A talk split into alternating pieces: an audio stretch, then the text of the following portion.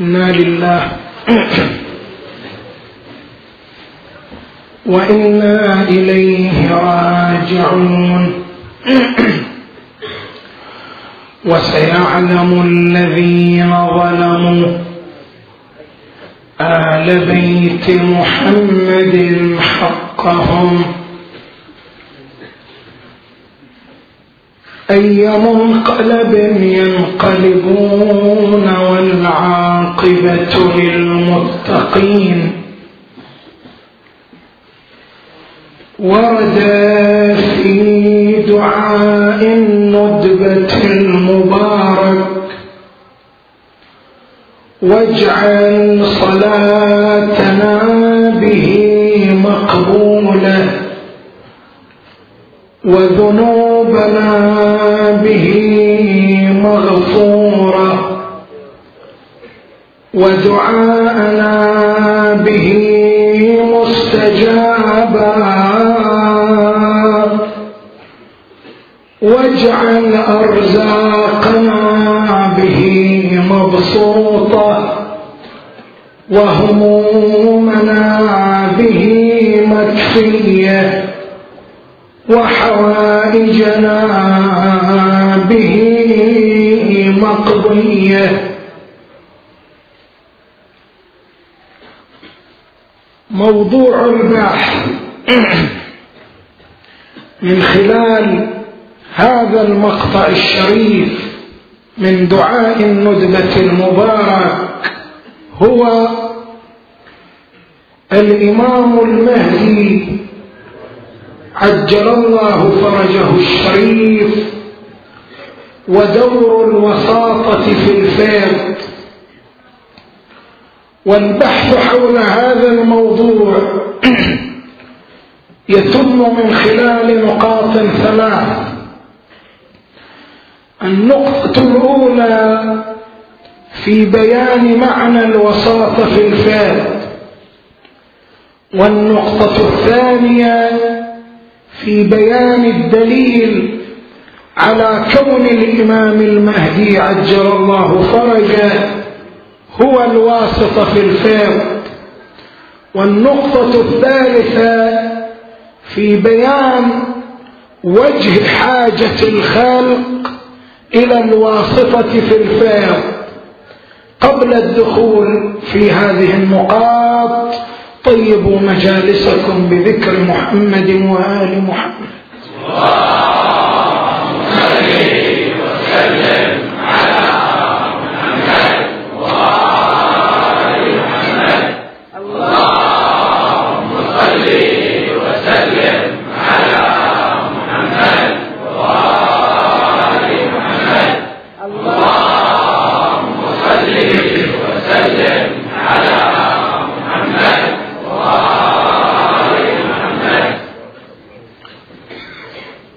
جاءت هذه السنة وهذا المأتم المبارك يفتقد شخصين أو عضوين من خيرة أعضائه الذين كانوا يتشرفون بخدمة سيد الشهداء الحسين عليه السلام في هذا المجلس المبارك. الأول المرحوم الحاج السيد عباس الخضابة والثاني المرحوم الشاب محمد الشرقي. وتكريما لروحيهما نهدي لهما جميعا ثواب سورة الفاتحة.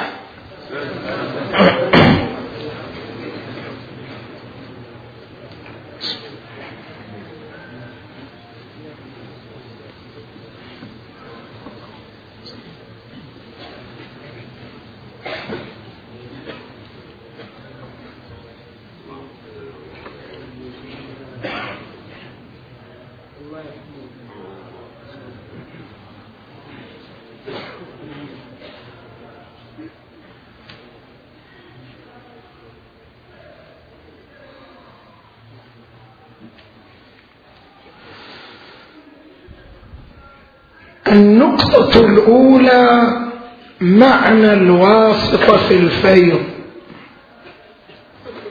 عندما نقول الإمام المهدي هو الواسطة في الفيض أو آل محمد هم الواسطة في الفيض. شنو معنى هذا العنوان؟ شنو معنى هذا الإصطلاح؟ الأفعال الإلهية الصادرة عن الذات المقدسة. هذه الأفعال الإلهية تارة يترتب عليها أثرها من غير واسطة. وتارة أخرى يترتب عليها الأثر بالواسطة. الأفعال التي يترتب عليها الأثر من غير واسطة يصطلح عليها القرآن بالأمر.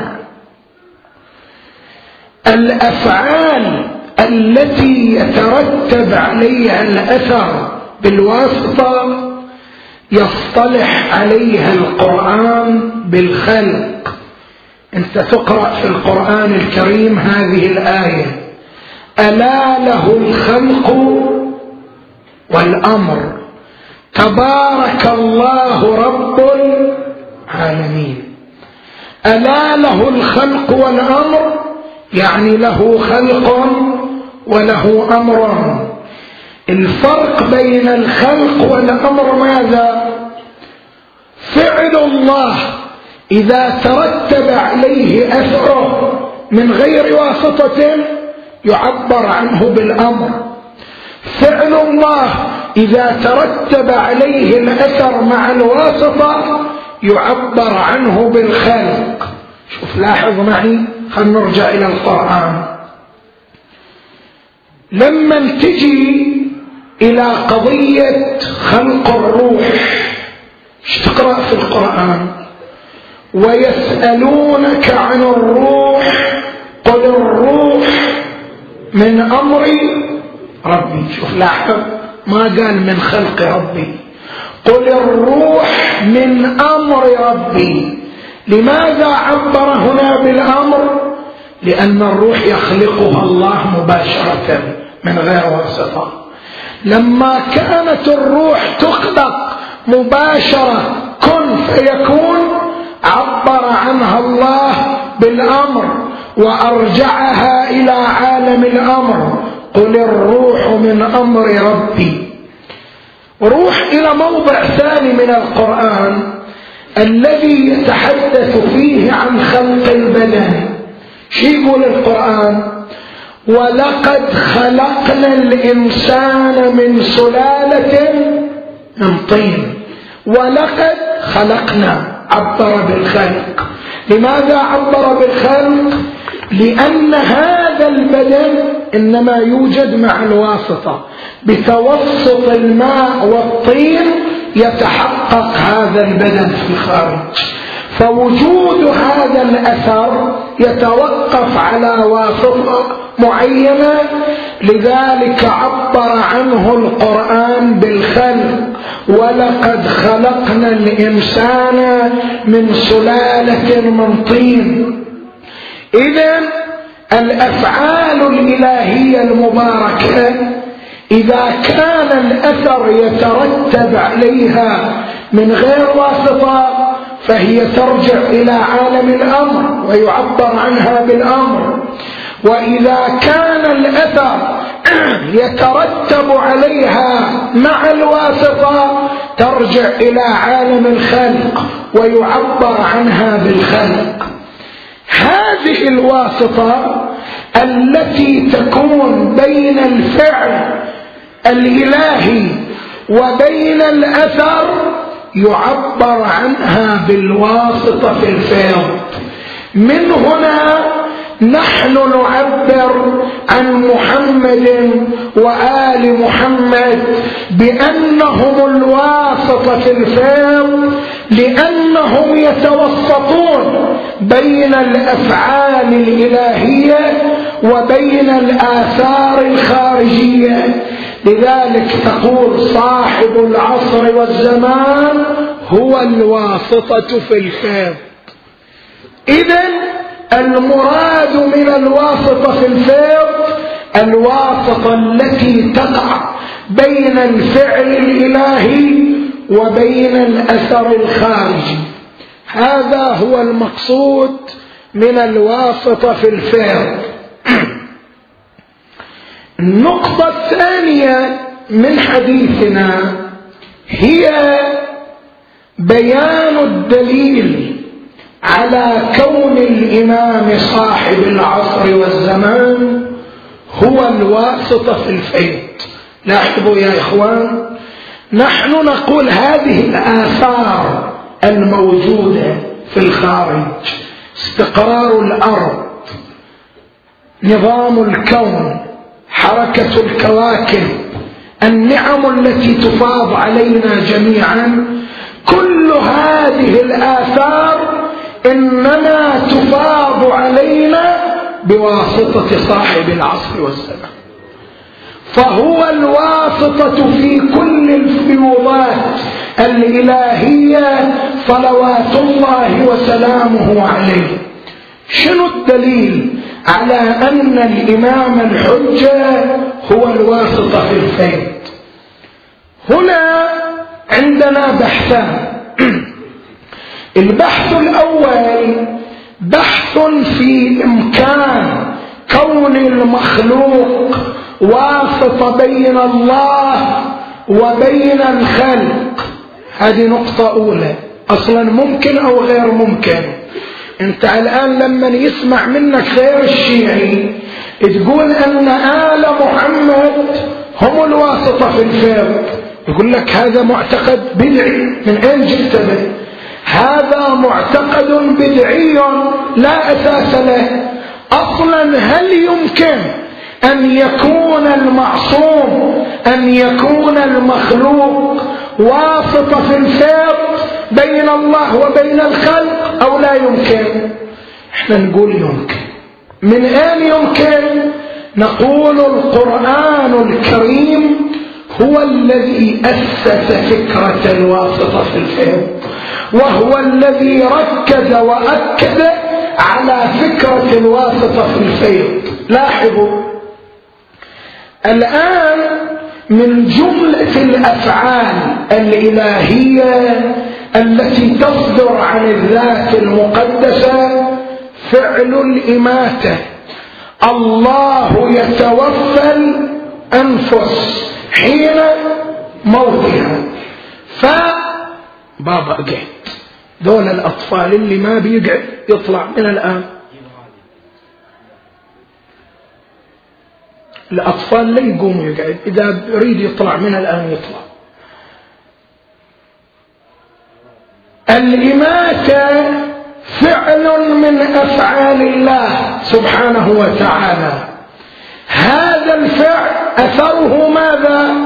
وفاة الشخص في الخارج موت الإنسان في الخارج. هذا الفعل إنما يتحقق مع الواسطة ما يتحقق مباشرة. والقرآن أكد على ذلك. قل يتوفاكم ملك الموت. إذا هناك واسطة بين الله بين فعل الإماتة وبين تحقق الأثر في الخارج. قل يتوفاكم ملك الموت الذي وكل بكم. الذين تتوفاهم الملائكة ظالمي أنفسهم. إذا هناك واسطة بين الفعل الإلهي وبين الأثر الخارجي. هذا شيء خاص شيء عام. القرآن يقول فالمدبرات أمرا. المدبرات ما هي؟ بإجماع المفسرين شيعة وسنة يقولون المدبرات هم الملائكة. ارجع إلى كتب التفاسير. السيوطي في الدر المنثور يقول المدبرات جبرائيل وميكائيل وعزرائيل وإسرافيل. أما جبرائيل فلأنه موكل بأمر الرياح وأما ميكائيل فلأنه موكل بأمر القطر والنبات. وأما عزرائيل فلأنه موكل بقبض الأرواح وأما إسرافيل فهو الذي يوزع الأمر عليهم. هذا معناه ماذا؟ هذا معناه أن حركة الرياح يتوسط بينها وبين الله جبرائيل عليه السلام. حركة الماء وحركة النبات يتوسط بينها وبين الله ميكائيل عليه السلام. حركة قبض الأرواح يتوسط بينها وبين الله عزرائيل عليه السلام. إذا القرآن يؤكد على فكرة وجود الواسطة في الفيض وأن هنالك مجموعة من المخلوقات كالملائكة يفاض الفيض الإلهي بواسطتهم إذا أنت لما تسألني من وين جايب فكرة الوساطة في الفيض أقول لك من القرآن. من وين من القرآن؟ من الآيات التي ذكرناها. فهي تؤكد على وجود وسائط بين الله وبين خلقه سبحانه وتعالى. هذا واحد. إذا الوساطة في الفيض معتقد ممكن أو غير ممكن هو ممكن بتصريح القرآن وبيان القرآن. البحث الثاني هو البحث الإثباتي. ذاك بحث إمكاني الآن بحث إثباتي. ما هو الدليل الذي يثبت أن الإمام صاحب العصر والزمان عجل الله فرجه هو الواسطة في الفيض. هنا عندنا أدلة عامة تشمل الإمام المهدي وغيره من المعصومين. وعندنا أدلة خاصة تتحدث عن خصوص الإمام المهدي. خل أذكر لك نموذج من الأدلة العامة. لما تجي إلى زيارة الإمام الحسين رزقنا الله وإياكم. لما تجي إلى زيارة الإمام الحسين الوارد عن الإمام الصادق عليه السلام تقرأ في الزيارة هذا المقطع. وشبيه له موجود في زيارة الجامعة الواردة عن الإمام الهادي. شنو تقرأ؟ بكم فتح الله. وبكم يختم.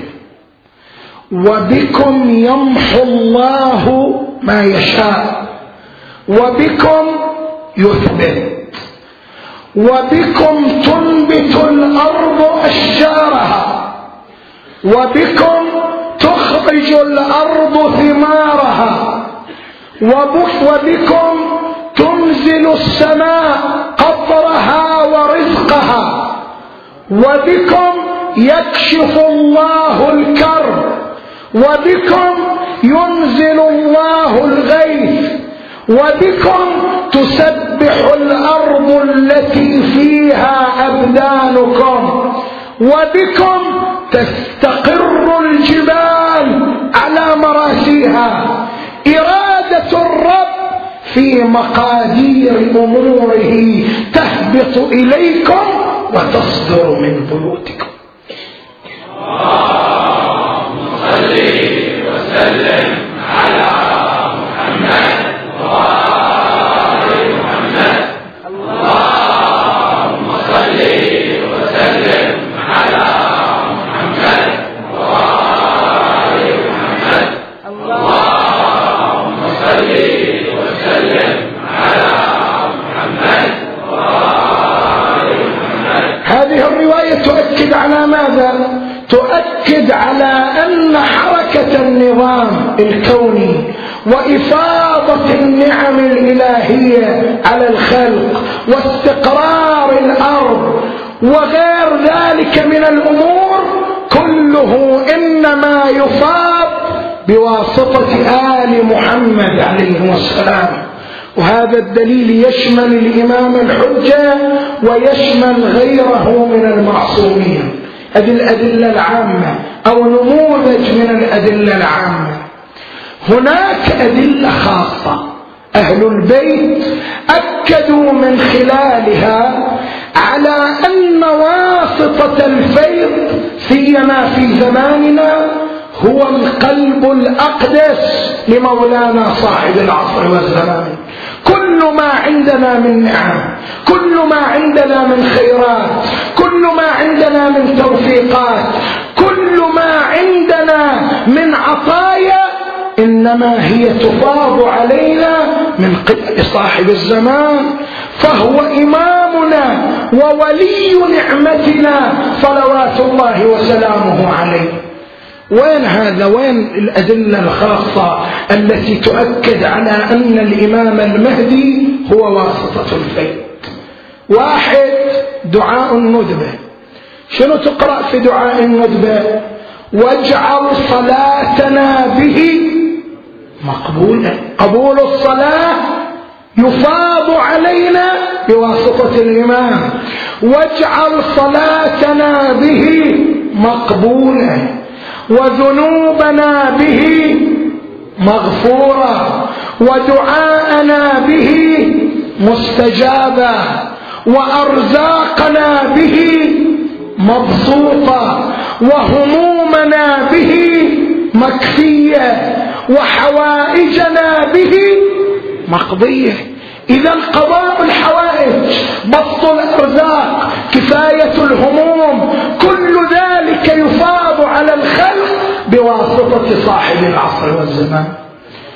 تروح إلى زيارة الإمام الحجة عجل الله فرجه. شنو تقرأ في الزيارة؟ وما من شيء. شنو عندك أنت من عطايا؟ كل شيء عندك. وما من شيء إلا وأنتم له السبب. وإليه السبيل.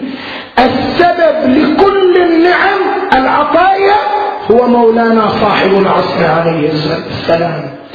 تطلع من زيارة الإمام الحجة تروح إلى دعاء العديمة هذا الدعاء الذي ينبغي على الإنسان أن يحافظ على قراءته لأن له تأثير في حسن الخاتمة.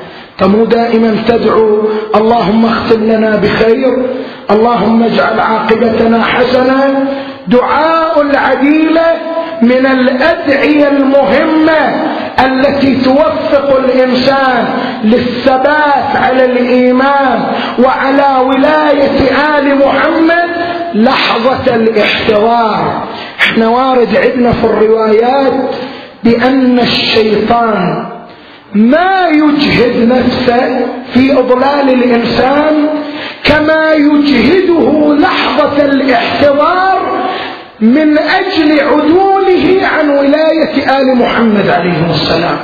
ذيك اللحظة لحظة الاحتضار الشيطان يبذل كل طاقته كل جهده من أجل أن يحرف الإنسان عن ولاية أهل البيت. هذا دعاء العديلة من الأدعية المؤثرة جدا في ثبات الإنسان على خط الولاية والاستقامة سيما عند لحظة الاحتضار. شنو تقرأ في دعاء العديلة؟ تقرأ هذا المقطع عن الإمام الحجة. بيمنه رزق الورى. بيمنه رزق الورى وبوجوده ثبتت الأرض والسماء. ثبات الأرض ثبات السماء. كل الأرزاق المعنوية المادية التي تغرق الخلق جميعا إنما تفاض بواسطة صاحب العصر والزمان لذكره وآبائه الصلوات اللهم صل وسلم.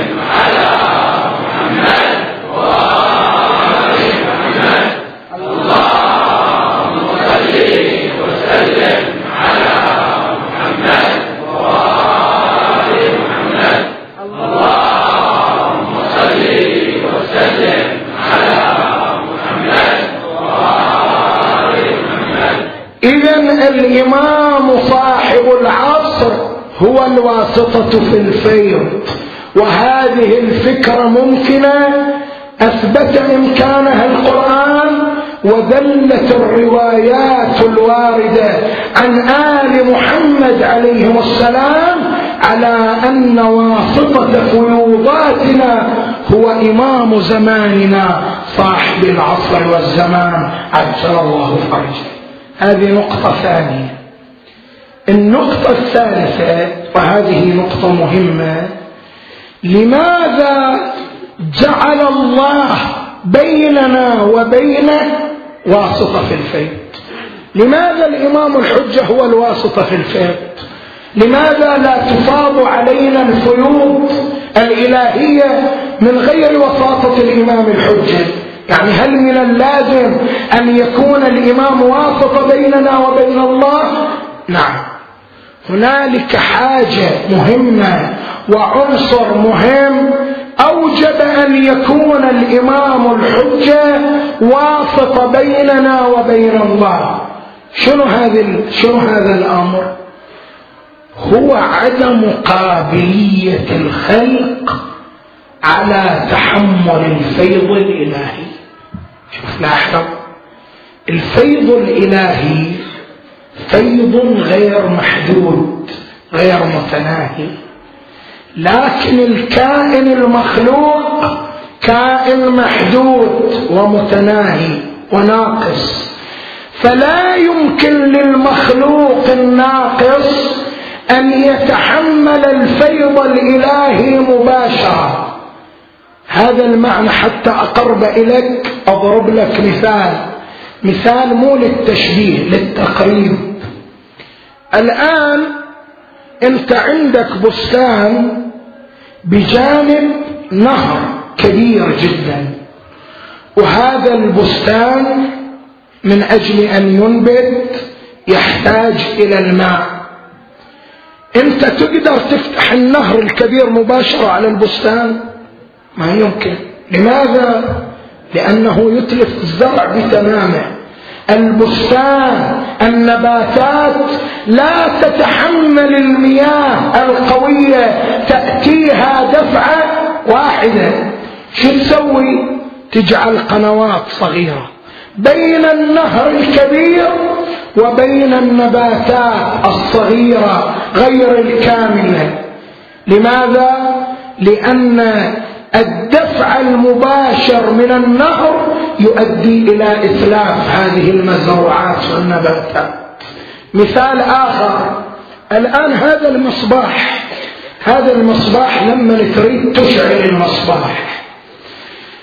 تارة تجعل المصباح مرتبطا بالمولد الكهربائي بشكل مباشر. يمكن أن يقاوم يحترق مباشرة.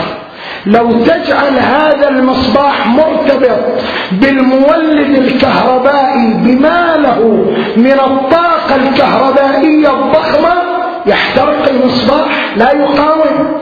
لذلك تجعل بين المولد وبين المصباح ماذا؟ وسائط متعددة تتدرج فيها الطاقة الكهربائية إلى أن تتضاءل وتتناسب مع مستوى المصباح. الخلق بالنسبة إلى الفيض الإلهي هكذا. المخلوقات مثل المصابيح والفيض الإلهي مثل الطاقة الكهربائية الضخمة. الخلق مثل النباتات الصغيرة والفيض الإلهي مثل ماذا؟ مثل الأنهار الجارية. لابد أن تكون هنالك واسطة. لها قابلية تحمل الفيض الإلهي ومن خلالها يفاض الفيض على بقية المخلوقات. وليست هنالك وليس هنالك مخلوق له قابلية على تحمل الفيض إلا المخلوق الكامل والمخلوق الكامل محمد وآل محمد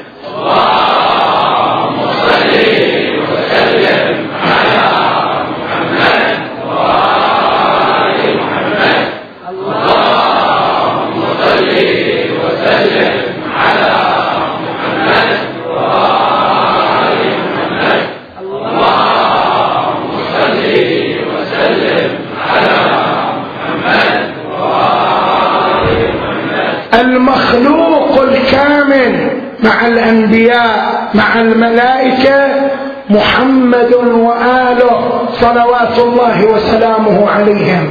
لذلك الفيوضات تجري عليهم مباشرة بينما نحن لا نستطيع. وهذا ليس لعجز في الفاعل وإنما هو لعجز في القابل يقولون. الآن انت لما هذا سال الإمام الصادق.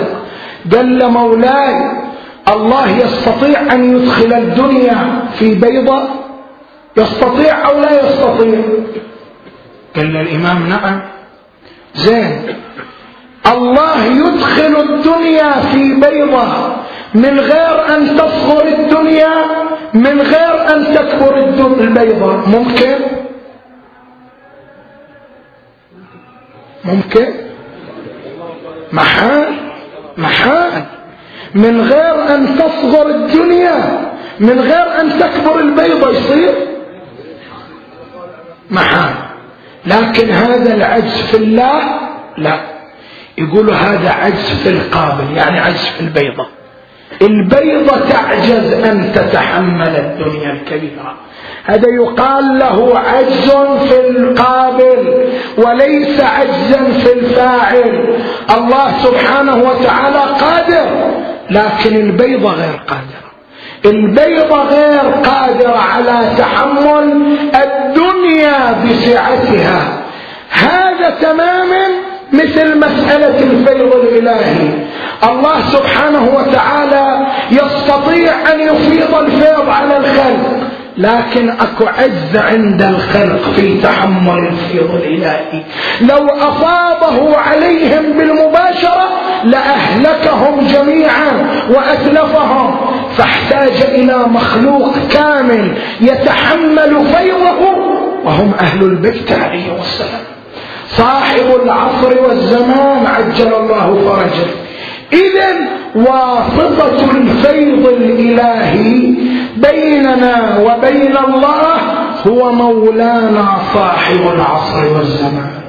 لذلك يا إخوان كل واحد منكم في أموره الدنيوية في أموره الأخروية إذا أراد أن يرجع إلى الله إذا أراد أن يتصل بالله لابد أن يجعل الإمام صاحب الزمان واسطة بينه وبين الله. لذلك أنت تقرأ في دعاء مذبل شنو تقرأ؟ أين باب الله الذي منه يؤتى؟ شوف لاحظ هنا التعبير. أين وجه الله الذي يتوجه إليه الأولياء؟ أين الحبل المتصل بين الأرض والسماء؟ الأولياء عندما يريدون أن يتوجهون إلى الله يعرفون أن الواسط في الفيض بينهم وبين الله هو من صاحب الزمان. لذلك يتوجهون إلى الله عن طريق من؟ عن طريق صاحب الزمان. أين وجه الله الذي يتوجه إليه الأولياء؟ أين الحبل المتصل بين الأرض والسماء كل حوائجكم المادية المعنوية كل شيء تريدون من الله توجهوا إليه بصاحب الزمان. الليلة ليلة الجمعة وليلة التوجه لصاحب الزمان ولذلك خصصنا هذا الموضوع بهذه الليلة ونحن نريد أن نتوجه من خلال هذه الواسطة المباركة. ونحن في مجلس سيد الشهداء الحسين إلى الله سبحانه وتعالى. يا مولانا يا صاحب الزمان الأمان. يلا يلا يلا يا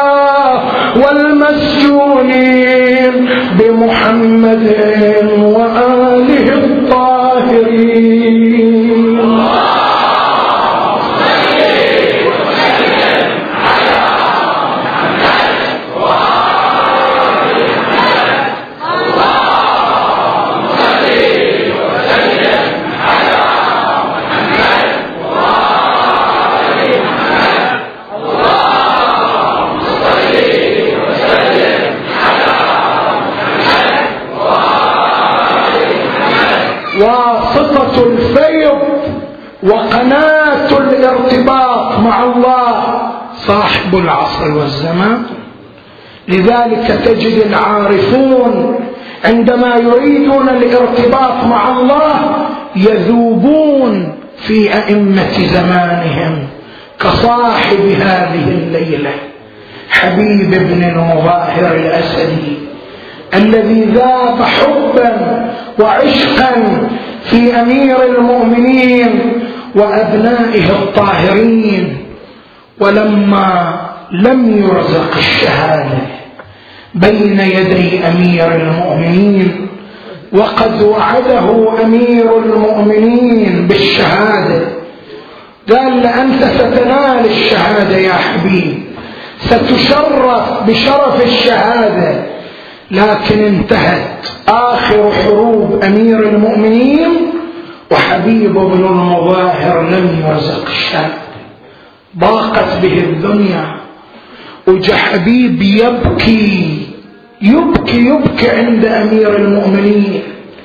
يقول له مولاي وعدتني بالشهادة لكن هذه آخر الحروب انتهت وأنا لم أرزق. فلماذا يا أمير المؤمنين؟ شنو صاير؟ قال له حبيب أنت مدخر اليوم غير هذا اليوم. حبيب ستنال الشهادة بين يدي من الشهادة بين يدي أفضل من الشهادة بين يدي. وين هالشهادة اللي أفضل من كل شهادة؟ ستنال الشهادة بين يدي الغريب.